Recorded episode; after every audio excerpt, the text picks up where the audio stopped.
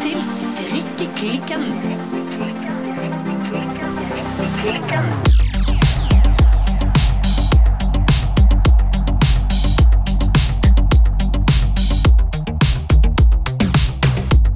Hei, Birte. Hallaisiken, Silje. Du, Birte. Ja. ja. Strikker du noe i dag? Nei. Nei. I dag uh, kommer jeg til timhendt. Tomhendt. Timhendt, tomhendt? Så derfor måtte jeg ha med litt eh, sjokolade og litt eh, brus til oss, sånn Ja. at vi kunne peppe oss litt. Jeg kan ikke komme helt tomhendt hit. Det får være grenser. Men eh, nei da, nå har jeg høgst ufrivillig strikkepause. Fremdeles. Ja. Stupid, stupid eh, senebetennelse. Ja.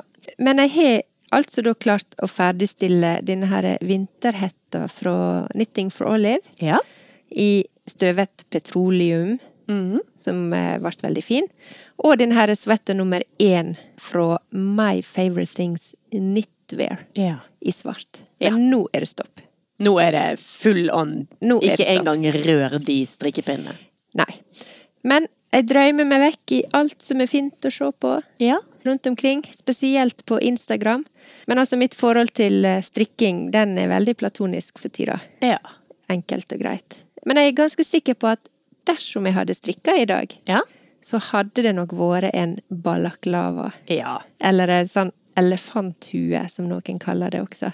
Eller kanskje en sånn hette som jeg strengt tatt nettopp har strikka. ja. Er det noen forskjell på disse tingene? Nei. Kjært barn har mange navn, tror jeg. Ja. Ja. Og gjerne sånn her eh, balaklava som du har strikka fra My Favorite Things Knitwear, for den var kjempefin. Jeg er veldig glad i den balaklavaen min. Ja.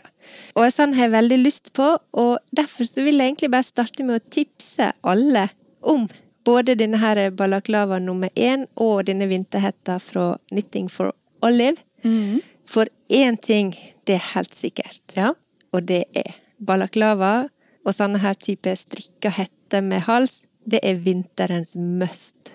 Absolutte mest på strikkefronten. Men har du brukt eh, denne balaklavaen som du har strikka, Silje? Ja, jeg bruker den ganske mye.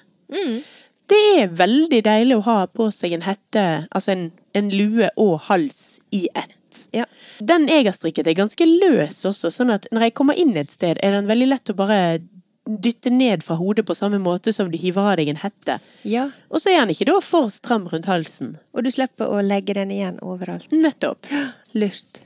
Altså, når jeg bruker denne her eh, vinterhetta mi, så får jeg litt kjeft hjemme. Ja. Fordi at eh, jeg ser visstnok ut som en baby. Men eh, altså, det kan jo ikke jeg bry meg om, for når noe er inn, som vi sa i gamle dager, Nettopp, ja. så må jo vi bare lydig følge opp. Koste hva det koste vil. Babyface eller ei.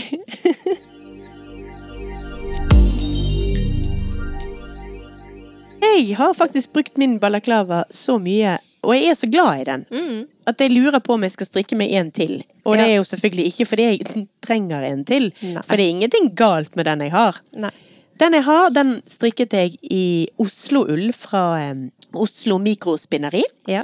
Veldig, veldig fint garn. Ja. Det er 70% norsk spelsau og 30 morbærsilke. Ja. Så det er veldig sånn blankt og fint og sterkt garn. Den har utrolig fin, fin sånn skinn i seg. Den har det. Ja.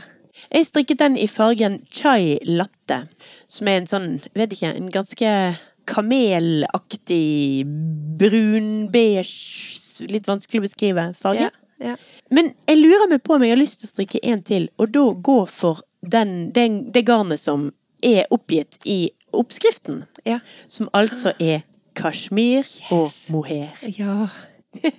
oh, jeg kjenner jeg blir helt sånn herre Ok, hva skjer nå? Kashmir? We're talking Kashmir?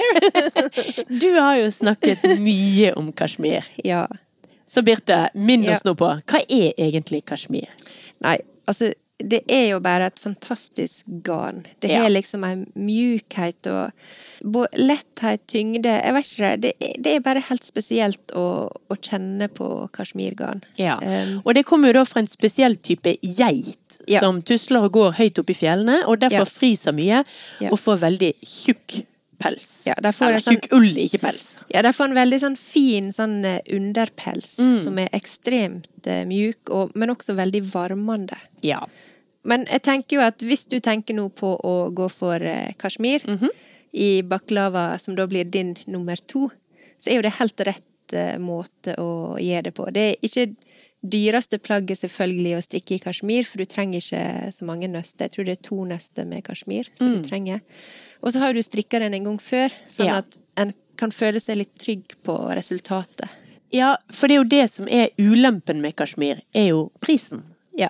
Cash mere. Er det lov å prøve seg på det? Cash more Nei, vær så. Ja. Pun alert! Det virker som om den heter det for a reason. Ja. Nei, altså det er jo, det er jo dyrt. Ja. Og dermed så er det jo ikke akkurat et prosjekt du i hvert fall ikke setter i gang og strikke et sengeteppe med. Nei. Men eh, en balaklava man allerede har strikket før, Ja. burde jo være et overkommelig prosjekt. Jeg syns det høres ut som et eh, genialt prosjekt. Ja, og så tenker jeg jo også at i og med at du sitter her med disse her eh, senebetente armene dine, så er jo jeg strikkeklikkens testpilot. Yes. Du, Og må du holde strikkehendene i gang. Ja. Ja. Du er hjernen, jeg er hendene. Og du har snakket så mye om Kashmir at jeg tenkte at kanskje rett og slett jeg skal være den som tester det ut. Ja. Det må du gjøre, og jeg eh, gleder meg til å bli med på den reisa. Mm.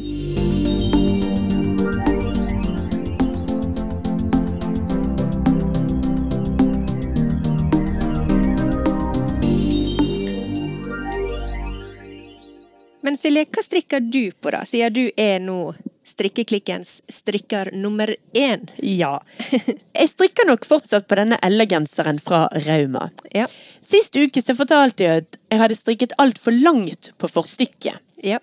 Det Uten skulle- målebånd. Uten Nei, målebånd hadde jeg. Uten oppskrift. Uten oppskrift. Ja, det var såpass, ja. Så jeg strikket i vei glad og fornøyd. Fant igjen oppskriften jeg hadde rotet vekk, og det gikk opp for meg at jeg hadde strikket ca. 10 cm for langt før jeg hadde begynt på halsutskjæring. Den, du strikker den nedenifra og opp, Ja. og da skal du da plutselig begynne å skjære av til halsen foran. Ja. Så sist uke så sa jeg vel at søren òg, jeg må rekke opp 10 cm. Men så gikk jeg tilbake og leste oppskriften en gang til. Ja. Og forstykket og bakstykket er helt likt, bortsett fra at bakstykket jo nettopp skal være 10 cm lengre. Ja. Uten noen halsutringing. ja. Så det jeg trodde var forstykket mitt, har vist seg å være bakstykket. Og nå strikker jeg på forstykket og skal snart begynne på halsutskjæringen. Halsutringingen. Ja, og det er så utrolig bra, for jeg hadde bare rakt opp med én gang. Jeg hadde aldri klart å funne ut at jeg kunne snu om på det. Nei, altså det er faktisk med i historien jeg sto klar for å rekke det opp, og så skulle jeg bare åh, dette er, For det er jo dette her boblemønsteret, dette her bladmønsteret i den genseren. Ja. Så det var ganske vondt å skulle rekke det opp igjen. Det var ikke bare å liksom sitte og rekke opp glatt glattstrikk. Nei. Var, jeg hadde jobbet ganske mye med disse boblene Ja. mine. Ja. Så det var litt vondt. Det er jo nesten en jobb å rekke det opp også. Ja, ja, det vet jeg ikke, men det har i hvert fall vært utrolig kjedelig å strikke det en gang til. Ja. Så jeg satt og leste oppskriften veldig nøye og tenkte kanskje jeg kan, hvis jeg bare ikke strekker det og dytter litt i det isteden, kanskje at det er en slags 15 centimeter. Ja. Men em, så fant jeg altså en god løsning. ja. Veldig bra.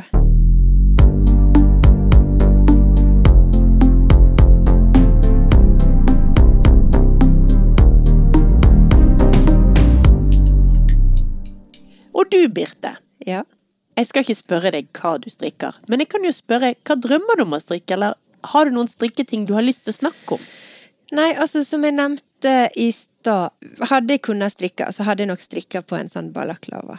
For det virker som et veldig eh, kjekt eh, prosjekt, der du kan bruke, i hvert fall for min del, altså litt forskjellige teknikker, kanskje til og med noen nye teknikker.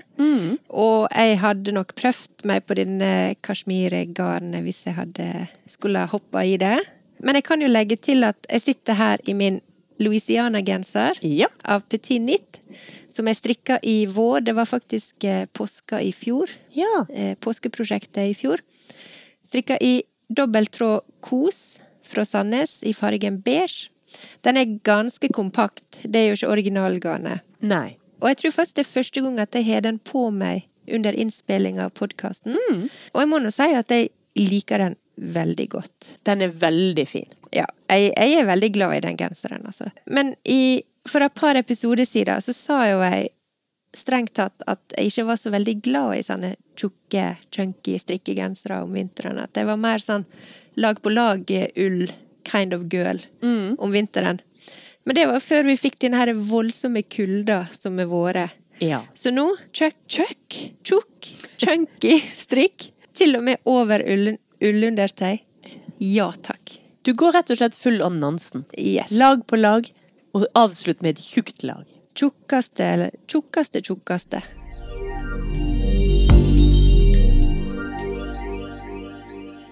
Temaet for dagens episode, det er jo da utstyr. Altså strikkeutstyr. Ja. I dag skal vi snakke om hva man trenger når man skal strikke. Hva man kan kjøpe, men kanskje ikke trenger. Og hva man rett og slett virkelig ikke burde skaffe seg. Nei. Det er Altså, hva trenger en egentlig når en skal strikke? Ja. Ja. Og jeg vil jo si at til å begynne med, så trenger jo du strengt tatt bare garn og pinner. Ja. Og så gjerne en oppskrift. Det må i hvert fall jeg ha. Ja. Ja. Men der kan man jo finne mye gratis og enkelt på internett. Ja, du trenger ikke nødvendigvis å kjøpe den. Nei. Nei.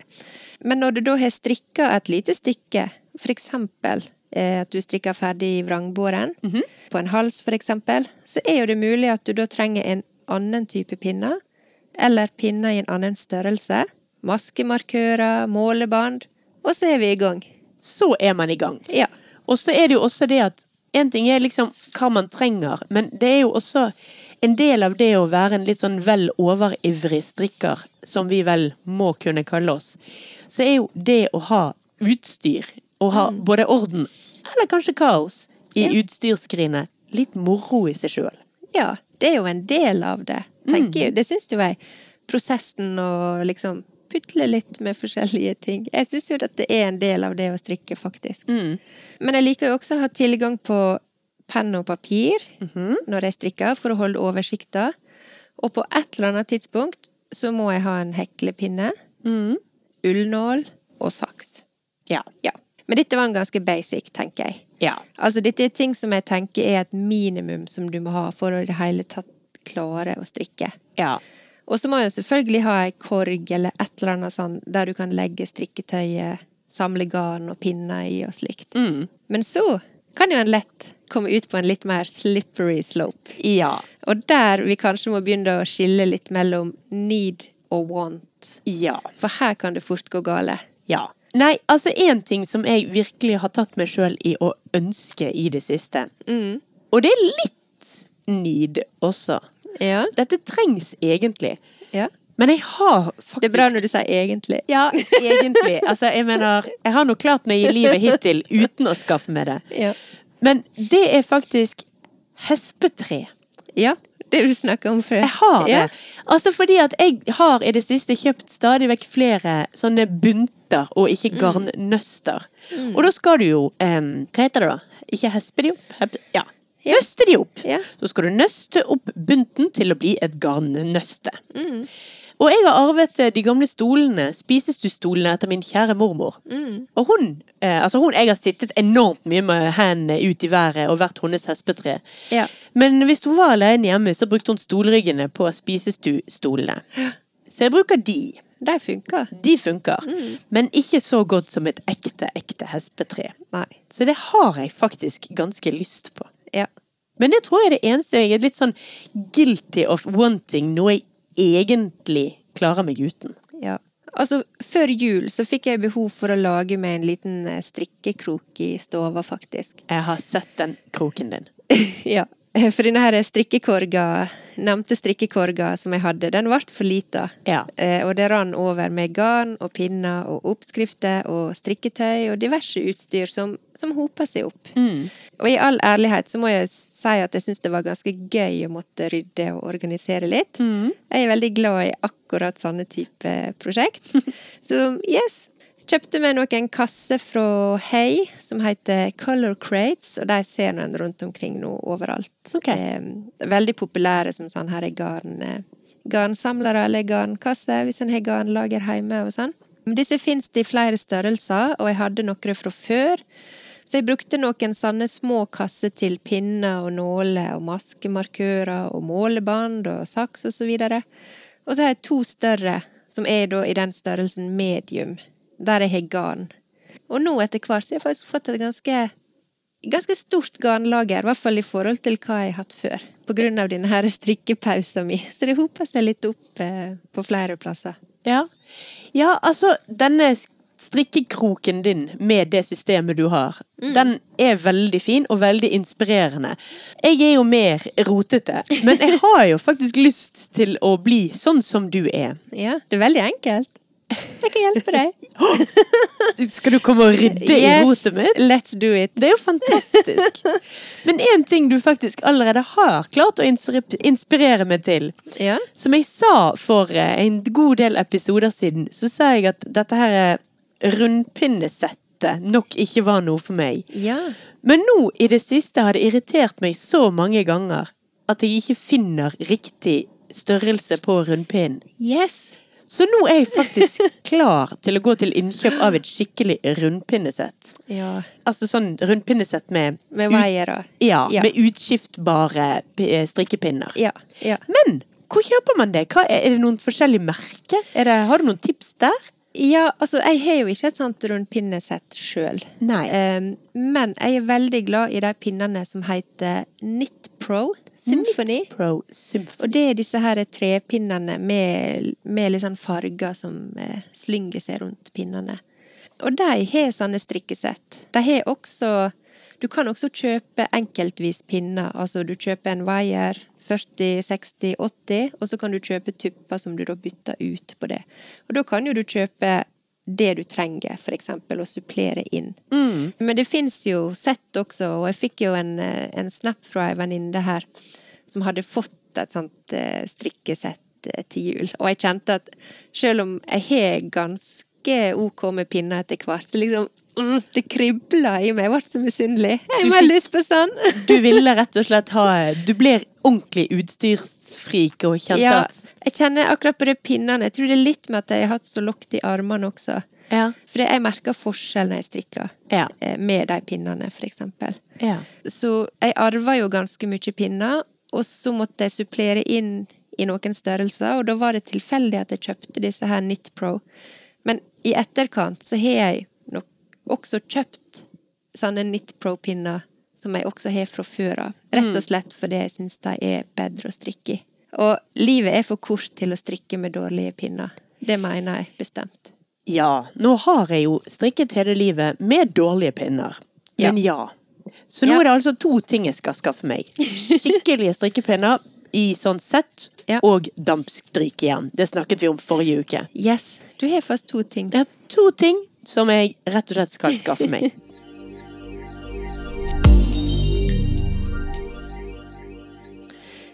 Kan jo også si at i denne her eh, nevnte strikkekroken min, så har jeg også en helt vanlig sånn magasinsamler. Der har jeg strikkeoppskriftene mine, som etter hvert er blitt ganske godt brukt og fulle av notater. Ja, for sjøl når du kjøper digitale strikkeoppskrifter, så printer du de ut og har de fysisk? Ja, det liker jeg. Ja. Eh, av, av mange grunner. Også, jeg liker å ikke måtte være avhengig av å bruke mobilen, for eksempel, for å se eh, oppskrifter. Så jeg syns det er en, mer behagelig å ha den fysisk. Men det som jeg ikke har notert i, for eksempel på disse her eh, oppskriftene, er hva størrelse jeg har strikka i. Det merker jeg at det skulle jeg gjerne gjort. Ja. Eh, for at jeg har jo en tendens til å ville strikke ting om igjen. Og da, jeg kjenner merker at på noen ting, så har jeg allerede glemt hva størrelse jeg strikker. Og det står jo ikke i nakken hva størrelse det er. Nei, jeg skulle til å si det. Det er jo sjelden man strikker arbeider ferdig med en vaskelapp med størrelsen og merket og eh, Ja. notatene. Ja. Og jeg har heller ikke notert hva type garn jeg har brukt. Men det er jo for så vidt litt enklere å ha oversikt på, for du har jo genseren der. Men eh, jeg tenker at om en stund, når jeg er kvitt denne her strikkeskaden, og forhåpentligvis har strikka mangt og mye, Ja. da tenker jeg at jeg lett kan miste den oversikta. Ja. Eh, for da blir det plutselig mer å holde kontroll på, ser jeg for meg. Nå har jeg det liksom litt oppi hodet. Men for å holde oversikta, så fins jo det veldig mange sånne Knitters Journal, eller sånne typer sånn strikkenotatbøker. Og det er egentlig ganske smart. Ja, altså man kan jo selvfølgelig også bruke en helt vanlig notatblokk. Det må ikke være en strikkenotatblokk. Nei. Men en del av de notat, strikkenotatbøkene, de kommer med en del ekstrafunksjoner som er litt artige. Ja. Blant annet så er det jo denne her lille dingsen man bruker for å måle hvilken tykkelse strikkepinnene har. ja. Og det er en ting som en må ha. Det må man ha. Ja. Fordi idiotisk nok så står jo ikke tykkelsen på strikkepinnene. Nei, altså nå har jeg begynt å gjøre det, men det er litt mer sånn nymotens greie. Ja, det var visst ikke noe man klarte å finne opp i tidligere tider. At Nei. man selvfølgelig kunne skrive tykkelsen på de. Nei. Så tidligere har man vært avhengig av de der målegreiene. Ja. Sjøl har jeg en liten plastbit, men den Jeg vet ikke hva det er med den, om den har bein eller vinger. Den forsvinner i alle fall ekstremt ofte. Ja. Så å ha den fastmontert i strikkenotatblokken er nok en god fordel. Ja, for eksempel.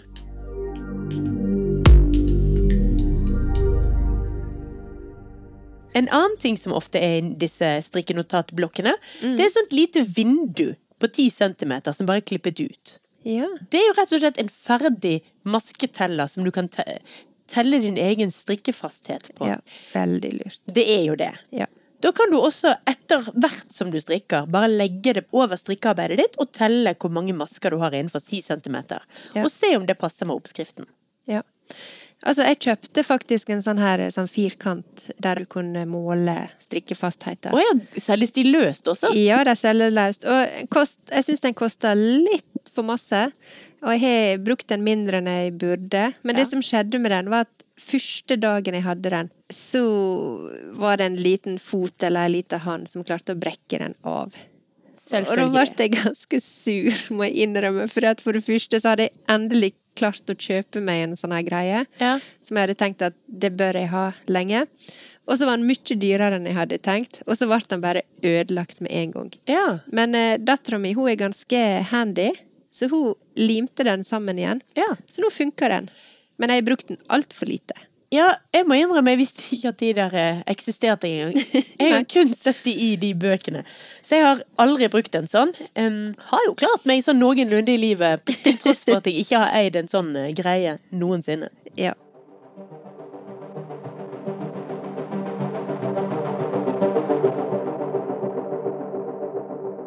Men altså, i disse her bøkene, da, så kan jo du notere ned alt som du strikker, størrelse, garn, farge. Fargeparti kan også være greit å ha oversikt på.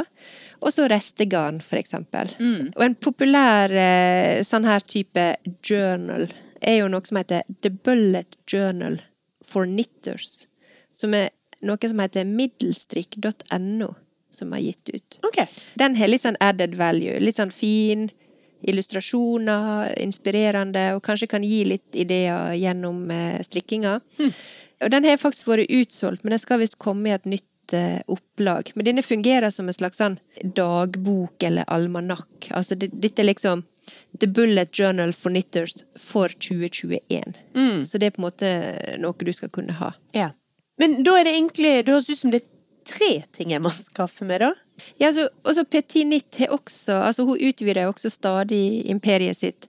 Og hun har også laga en sånn type notatblokk, men den er mer sånn enkel og nyttig.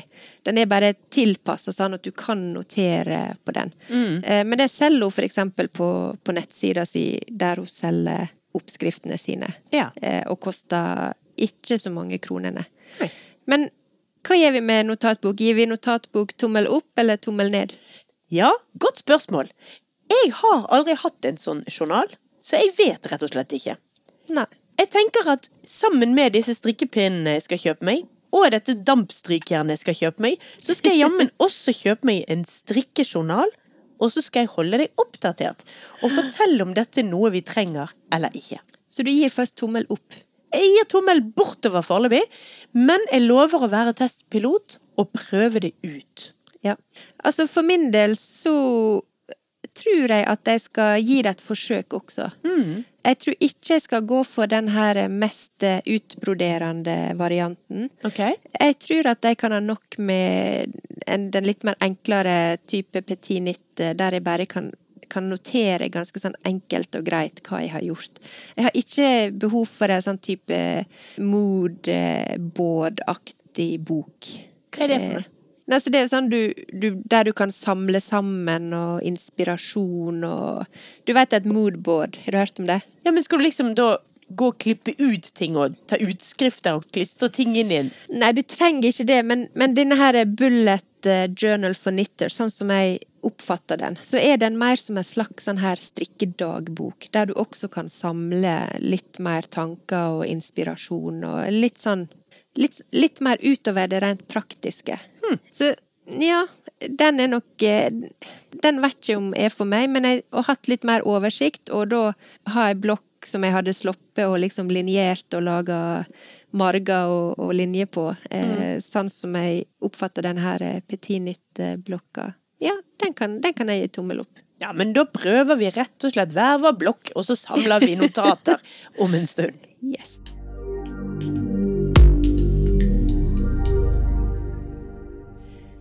Vi har jo også en norsk leverandør som heter Plystre. Som lager strikkevesker og sånne her pinnesamlere eller sorterere. For det som er, er jo at både pinner og nåler, og for så vidt garn, det er jo ganske uvørende ting å drive og drasse rundt på. Og Plystre de har jo disse her eh, bucket project bags, som jeg syns er supersøte. Selv om jeg vil jo si at du kan komme langt med en helt vanlig tote bag, eller en litt stor veske. Det funker jo fint, det. Men hvis du er en litt sånn utstyrsfrik, så er jo en sånn type bucket bag helt klart eh, attraktiv. Hva tenker du om det? Tommel opp eller tommel ned? Mm, jeg er litt usikker. Jeg syns jo egentlig at folk som driver med håndarbeid, skal lage sine egne vesker framfor å kjøpe noen ferdige fra noen andre. Så en må gå full on hele tida, altså? Nei, ikke det. Man må ikke. Man kan selvfølgelig kjøpe seg en sånn. Jeg bare syns det er litt trist å se liksom den store strikkeklubben på kafé, og alle kommer med en kjøpt totebag, eller hva du kalte det. Ja, bucket eh, Bucketbag. Project bucketbag. Ja. Jeg syns jo det er finere da hvis eh, i hvert fall noen av de har en selvsydd eller selvheklet eller selvstrikket pose å ha arbeidene sine i. Ja. Altså, for min del så Fornuftigheta mi sier tommel ned, men jeg tror hjertet mitt sier tommel opp. og det er litt for at For det første, jeg har ikke symaskin. Nei. For meg er ikke, selv om jeg tror at eh, å lage i hvert fall en sånn enkel bag så du kunne liksom snurpa sammen, det er nok ikke det vanskeligste prosjektet. Selv for meg som eh, ikke er noen racer på sying. Men det som er med disse her, er jo at eh, ja, de er søte, og de har veldig mange praktiske lommer som du strengt tatt kan ha bruk for, da, hvis du legger godviljen til når du skal ha en sånn type strikkebag. Så ja, jeg er nå litt sånn midt imellom. Plutselig sitter jeg der. Ja. Altså, det er jo noe med dette her sånn, som gjelder for mange sånne ting. Du trenger det ikke, men gir det deg glede, så plager det jammen ingen at du har det heller. Nei, sant? Det syns jeg var bra sagt. Ja. Ja. Så vi stemmer tja. Ja.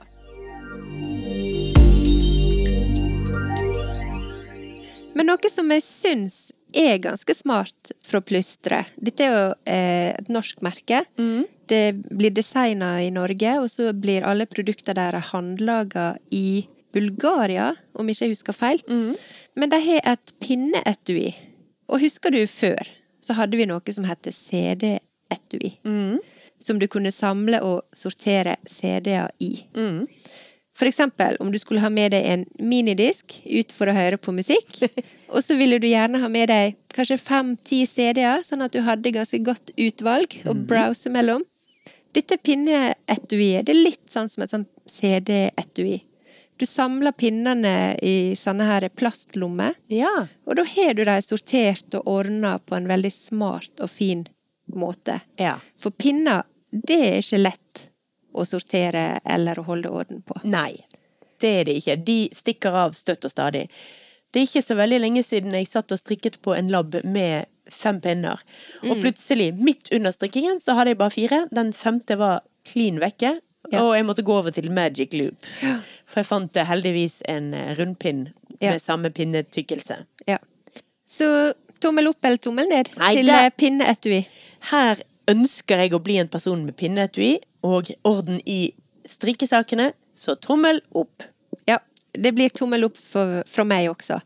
For dette er et produkt som er litt vanskelig å finne eller erstatte. Pinner trenger noe sånn her spesiallaga eller tilpassa, for de er ganske umulig å holde styr på. Ja. Men her tror jeg det er noe som kan funke. Ja. Nei, pinner har helt klart bein eller vinger, og har det med å forsvinne. Så ja til etui som kan holde de på plass.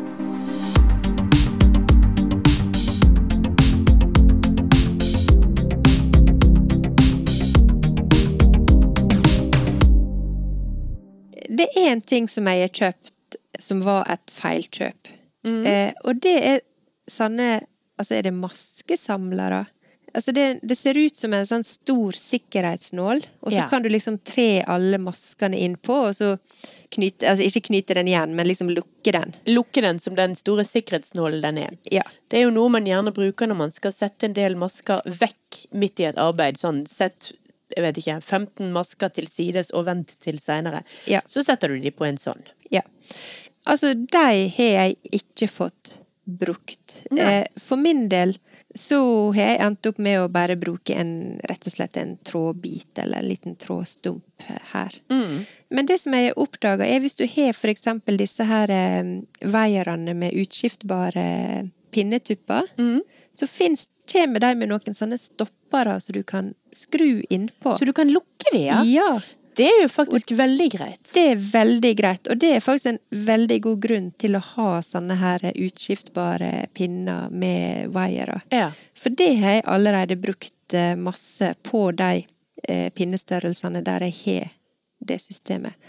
Så det er kjempelurt. Nå kan jo det hende at hvis du strikker mer mønster, at en sånn her maskesamler som jeg nå karakteriserer som en flopp for min del, det kan jo hende at den eh, funker på det. Men jeg har ikke hatt bruk for det på mine glattstrikkprosjekt eh, enda. Og det funker ikke på armer, for eksempel. Nei. Ja. Nei, altså nå, for eksempel på det prosjektet jeg holder på med nå, denne Ella-genseren fra Rauma. Der er det jo sånn sett hele forstykket, eller sett hele bakstykket på én pinne, og, eller på en maskesamler, og strikk hver for seg. Og det jeg pleier å gjøre, er å ta en annen rundpinn og sette den i hop, og så knyter jeg den sammen. Problemet jeg har gjort dette ganske mange ganger etter hvert. Det er jo at den vaieren inni der, med den dobbeltknuten jeg knyter på den, den blir slitt og bulkete og ganske irriterende. Så jeg tenker at det å kjøpe et sånt sett, som, da, som du forteller at det kan lukkes, det er jo rett og slett genialt. Det kan det. Og hvis du gjør det, da, for av og til når du skal begynne på bråtet, for eksempel, Ja. så skal jo du gå ned en pinnestørrelse. Så det du gjør da, er jo at du, du skifter jo bare pinnestørrelsen også, og Ja. så bare strikker du videre.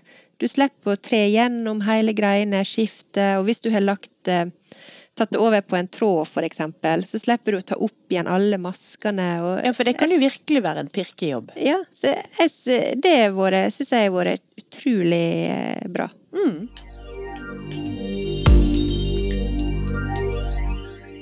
Og så har vi kommet til maskemarkører. Ja, Og der vet jeg at vi har litt eh, forskjellig tilnærming. det har vi. Jeg har jo selvfølgelig kjøpt ikke bare ett sett med maskemarkører, men faktisk to. Ja. Det første var bomkjøp, så de har jeg aldri brukt. Jeg tror jeg kasta de til slutt. Men her har jeg noen bare veldig enkle favoritter, og det er sånne type sånn Det ser ut som sånn plastikksikkerhetsnåler i forskjellige farger, som du bare klikker på. De kan være litt klumpete på fin strikk, med tynne pinner, men hittil så har disse funka veldig bra for meg. Men når det kommer til maskemarkører, så er jo det et stort utvalg i alle mulige prisklasser. Nesten som smykke. Selv om jeg absolutt kan være med på at dette kan gjøre strikkinga kjekkere, så this is where I draw the line. Det er å kjøpe sånn bedazzled eh, maskemarkører. ja. Da setter du foten ned. ja. Ja. Nei, altså når du sier at du har kjøpt deg to sett med maskemarkører, og jeg er liksom den som ikke bruker maskemarkører, så må jeg jo innrømme at jeg tror jeg har kjøpt i alle fall ti sett med maskemarkører. Men de rømmer jo som bare det. Ja. De gjør jo det. Så jeg har vel endt opp med virkelig at en trådbit Den rømmer jo selvfølgelig også, men det gjør jo ingenting da. Du har Sånn at- flere. Ja. Ja. Altså, så jeg bruker bare en liten garnbit i en annen farge. Ja. Og det vet jeg mange som gjør. Ja. Men eh, maskemarkører, tommel opp eller tommel ned? For min del, tommel ned. Ja. For min del, tommel opp, fordi at jeg har noen som jeg liker å bruke. Men jeg er ikke med på det her eh, diamantkjøret, eller hva jeg skal kalle det når det gjelder maskemarkører.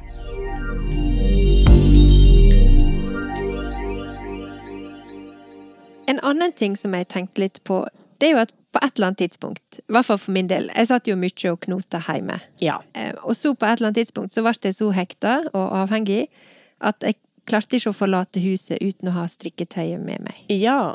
Så da er det litt sånn, når vi kom til strikking i offentlighet, eh, Ja. når en er blitt klar for det For at det er jo bare, å- let's face it, kafé er jo mye gøyere med strikk. Selvfølgelig. Ja. Men da er det litt sånn, hva er det en må ha med seg, da? Ja, der er jo vi litt av to forskjellige skoler. Ja. Du kommer jo med ditt patentlige eller strikkeskrin og har Ja. orden i sakene, og jeg eh, fant faktisk i dag, helt uten å tulle, en strikkepinne i eh, sminkeskuffen min, og lurte på hvordan i alle dager har den havnet der. Ja, altså, for jeg, eh, ja, jeg liker å ha med meg et lite sånn eh, kit når jeg går ut. Ja. Jeg må alltid ha med et ekstra nøste, for Ja. det kan jo være at en trenger. Ja. Kanskje til og med pinner, hvis en nærmer seg eh, bråt eller vrangbåren eller noe sånt. Mhm. Målebånd må jeg ha. Mhm. det, har, det har jeg faktisk skaffet meg nå. I know. Wow! Eh, Det hang litt sammen med denne her raumagenseren, som da tydeligvis har blitt 10 cm for lang og jeg må rekke opp. Da var ikke Eivind-målet godt Da, lenger. nå må jeg skjerpe meg. Ja. Det, sånn er det bare. Men jeg tror aldri jeg har hatt det med på kafé. Nei. Nei, jeg har hatt, må ha med det. Mhm. Maskemarkør syns jeg kan være greit å ha. Ja, der har jo jeg rotet vekk alle mine. Eller det vil si, eh, robotstøvsugeren har spist i. Ja. Og så må jeg ha med meg saks. Ja, og det bruker jo ikke jeg. Jeg bruker hendene og tennene. Bortsett fra Ja. Jeg vil gjerne anbefale det fantast... Altså, denne eh, balaklavaen som jeg allerede har nevnt, som jeg strikket i romjulen. Den strikket jeg i Oslo-ull fra Oslo Mikrospinneri. Ja.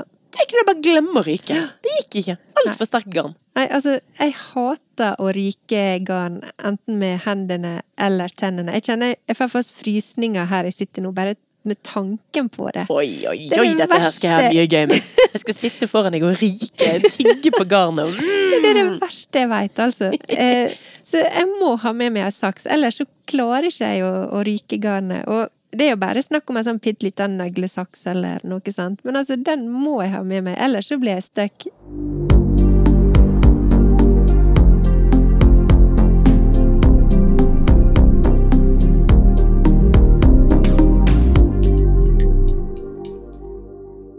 Men da tror jeg vi har snakka gjennom det meste, i hvert fall, av det viktigste utstyret som en kan, eller ikke kan ha bruk for når en skal strikke.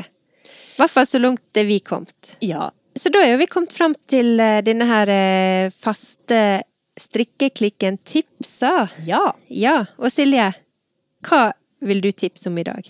I dag vil jeg tipse om en strikkedesigner som kaller seg sjøl for Popknitt. Ja. Eller Popknitt. Popknitt? Popknitt. Ja. På Instagram så skrives det med sånn nedestrek mellom hver bokstav. Mhm. Og eh, på internett så er webadressen popknitt.net. ja. Popknitt.net. Pa- Popknitt. Ja, altså det som er på Instagram-feeden, både til strikkeklikken og min egen personlige Instagram, så er jo ikke til å stikke under en stol at det er veldig mye hvitt og beige og brunt og lin. Hva du mener Er det meg gale nå? Nei, Da? det er det ikke. Jeg sitter jo Jeg sitter jo her sjøl og strikker i fargen lin. Men samtidig så syns Følte meg jeg jo ikke truffet av den i det hele tatt. Nei, ja, fortsett. Det er jo dette vi snakker også om en del om i den episoden med den beige bølgen. Ja da. Men Popnit strikker altså i et helt annet fargeskjema. Ja. Her er det veldig mye rosa og oransje og gult og rødt. Ja. Og gjerne i ett og samme plagg med sånne helt nydelige graderinger. Hun bruker veldig mye mohairgarn Mm. og graderer fargene i ett og samme plagg. Så du får, det ser nesten ut som en sånn fluffy sukkerspinnsky. Og jeg syns det er så fint. Ja. Det Det er, høres veldig fint ut. det er veldig, veldig fint. I tillegg til det så har hun en litt annerledes tilnærming til det å strikke. Ja. Blant annet så har hun en sånn greie gående på Instagram nå, hvor hun har fått eh, håndfarget garn fra gepardgarn. Ja. Som, hvor da gepardgarn faktisk har oppkalt en farge etter popnit. Ja. Altså kalt den popnit. Ja. Og det har hun da fått gratis, og setter i gang å strikke. Helt uten noe plan. Tenk når eh, noen lager den beige, fine strikkeklikken-fargen på et garn. Det blir veldig fint. Eventuelt i chartreuse eller Ja. spygrønn. Det hadde også vært helt to. nydelig. Men i alle fall så Det som er, da, er at det prosjektet hun setter i gang med denne her eh, popknittfargen fra gepardgarn, Mm. det har hun ingen plan på. Så hun kaller det rett og slett for intuitiv strikking. Ja. Så får hun se hva det blir. Blir det en cardigan? Blir det et teppe? Blir det et sjal? Ja. Hun vet ikke. Og det syns jeg er så kjekt å følge den type helt frie prosjekter. Altså, det minner meg jo litt om noen som jeg kjenner ganske godt. Så fri er jeg nok ikke. Hun er helt klart friere enn meg. Ja, men du er ganske fri, du også.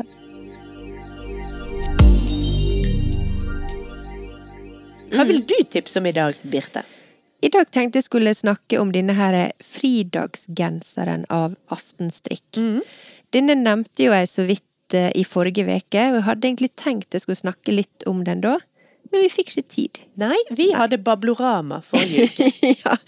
Så da ble den flytta til i dag. Men altså, denne her fridagsgenseren, det er en genser med flettemønster. Jeg vil si det er litt sånn den perfekte avslappa flettegenseren.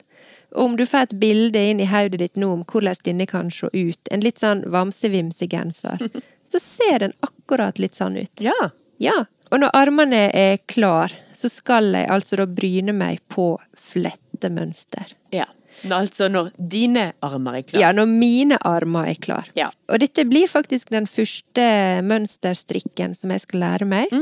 Men flette liker jeg. Ja. Og jeg tenker at det er en bra teknikk å kunne. Den vil jeg få bruk for i mange sammenhenger. Det ser fint ut, jeg har hørt at det er gøy å strikke, og det er ikke nødvendigvis så vanskelig som det kan se ut. Nei. Det får nå tida vise for min del. Men eh, den her fridagsgenseren av Aftenstrikk, den skal jeg altså da gi et forsøk.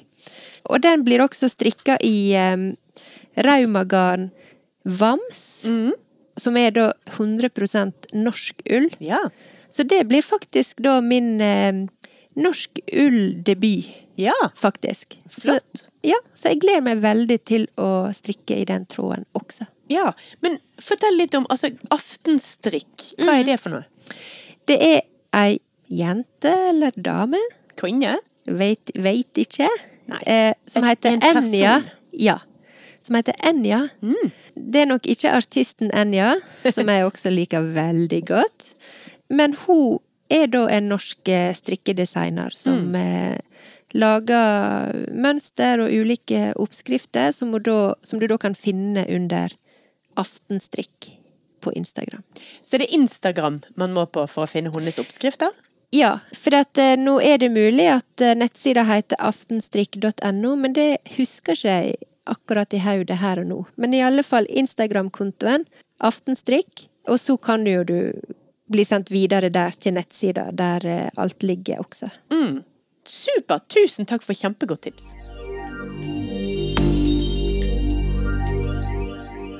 Men det har jo skjedd noe veldig spesielt denne siste veka. Det har jo rett og slett vært en strikkehappening. En global strikkehappening som har skjedd. Virkelig. Altså, glem at eh, Eller nesten glem at USA fikk eh, ny pros president. President. Det er ikke så viktig, for at det som virkelig skjedde forrige uke, det var jo vottene, disse heimestrikka vottene til Bernie Sanders. Ja. Det er jo blitt et meme i hele verden med Bernie på innsettelsen til eh, Joe Biden, den nye presidenten. Og det store fokuset er jo da på vottene til Bernie. Ja. The Bernie Mittens. Det er jo utrolig gøy. Det er det. Ja. Og disse her vottene, de har jo Bernie fått i gave. Ja. Fra en lærer Fra Vermont. Ja, som heter Jen Ellis. Ja, og disse her eh, vottene de er jo også strikka av eh, resirkulert garn. Ja. Og de er fora med flis, som Ja. er laga av resirkulert plastikk. Ja. Så dette er gjennomtenkt. ja. Og dette passer jo også så godt til Bernie. Ja. Som er, ja, feel the burn. Han er jo eh, venstresiden av det demokratiske partiet i USA. Ja. Så da begynner han vel å nærme seg det vi ville, vi ville kalt helt normal norsk politiker. Ja, sant. Men hva tenker vi at eh, Hva tenker vi at disse vottene sier om hva, hva tror du børnene ville fortelle med å ta på seg disse her vottene? Jeg syns jo det er nydelig at han velger å bruke resirkulerte, hjemmestrikkede votter på en sånn stor festdag. Og selv om man på en måte kan tro om Bernie at han ikke har gjort dette bevisst, så ligger det garantert en eller annen form for baktanke bak. Ja. I tillegg til at han selvfølgelig prøver å holde seg varm, så har han ikke valgt masseproduserte plasthansker, altså i akryl eller et eller annet sånt. Han har gått for noe ekte og autentisk, og et eller annet som er veldig typisk både Vermont og Bernie Sanders. Ja, for at etter at eh, etter denne her innsettelsen, så har jo både Bernie, men ikke minst vottene hans, de gone viral.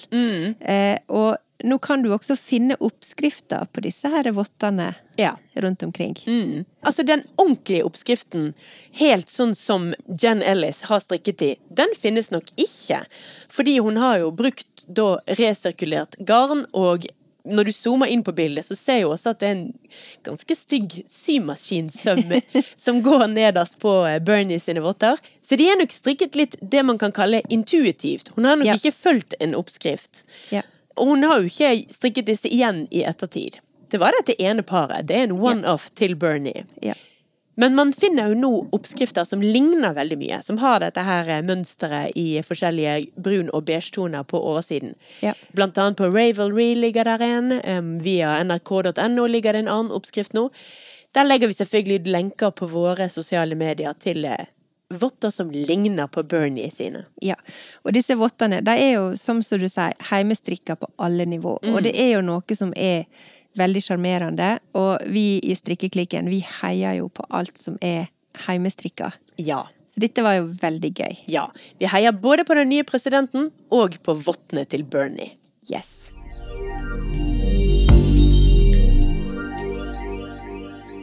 Men da skal jeg rett og slett gå tilbake igjen til å strikke. Ja. Og du skal gå tilbake til å drømme om å strikke. ja. Browse. Det er det Ja. jeg er på nå. Må ikke du browse så mye at du får vondt i fingrene av det? Nei, det skal ikke en eh, tulle med, faktisk. Nei. For det, jeg kjenner nok litt på det også. Ja. Men i alle fall, vi snakkes igjen om en uke, Birte, og fremdeles god bedring med hendene dine. Tusen takk, Silje. Jeg er klar allerede til neste uke, så jeg gleder meg til det. Ha det bra! Ha det!